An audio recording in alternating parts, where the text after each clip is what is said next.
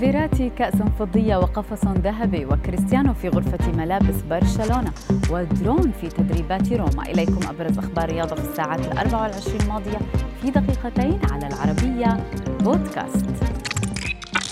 بعدما عانق كأس أوروبا الفضية قرر فيراتي دخول القفص الذهبي للمرة الثانية في حياته. هذه المرة الشريكة عارضة أزياء جيسيكا.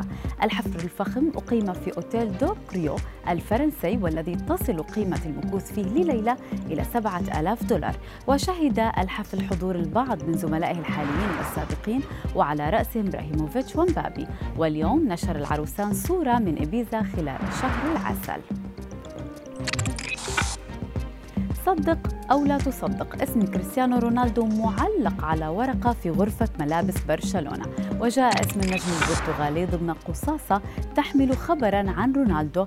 أما الهدف منه إخافة اللاعبين وتوعيتهم بمخاطر فيروس كورونا.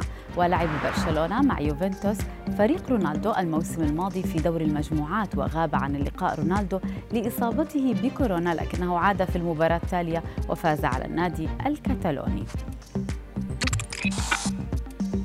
مورينيو يلجأ للتكنولوجيا في مواجهة الأخطاء الإيطالية حيث استخدم المدرب البرتغالي طائرة بدون طيار لتصوير تدريبات فريقه روما ومن ثم قام بعرض اللقطات عبر شاشة الضخمة لإظهار أخطاء لاعبيه ويرى مورينيو أن رؤية اللاعبين لأخطائهم أثناء الحصة التدريبية يسرع في عملية معالجة هذه الأخطاء.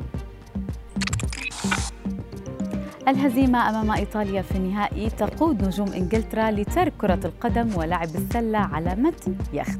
لاعبو إنجلترا قرروا قضاء عطلتهم في ميكونوس استعدادا لخوض غمار الموسم الجديد. ديكلان رايس وماسون ماونت ظهرا بقمصان مايكل جوردن وكوبي براينت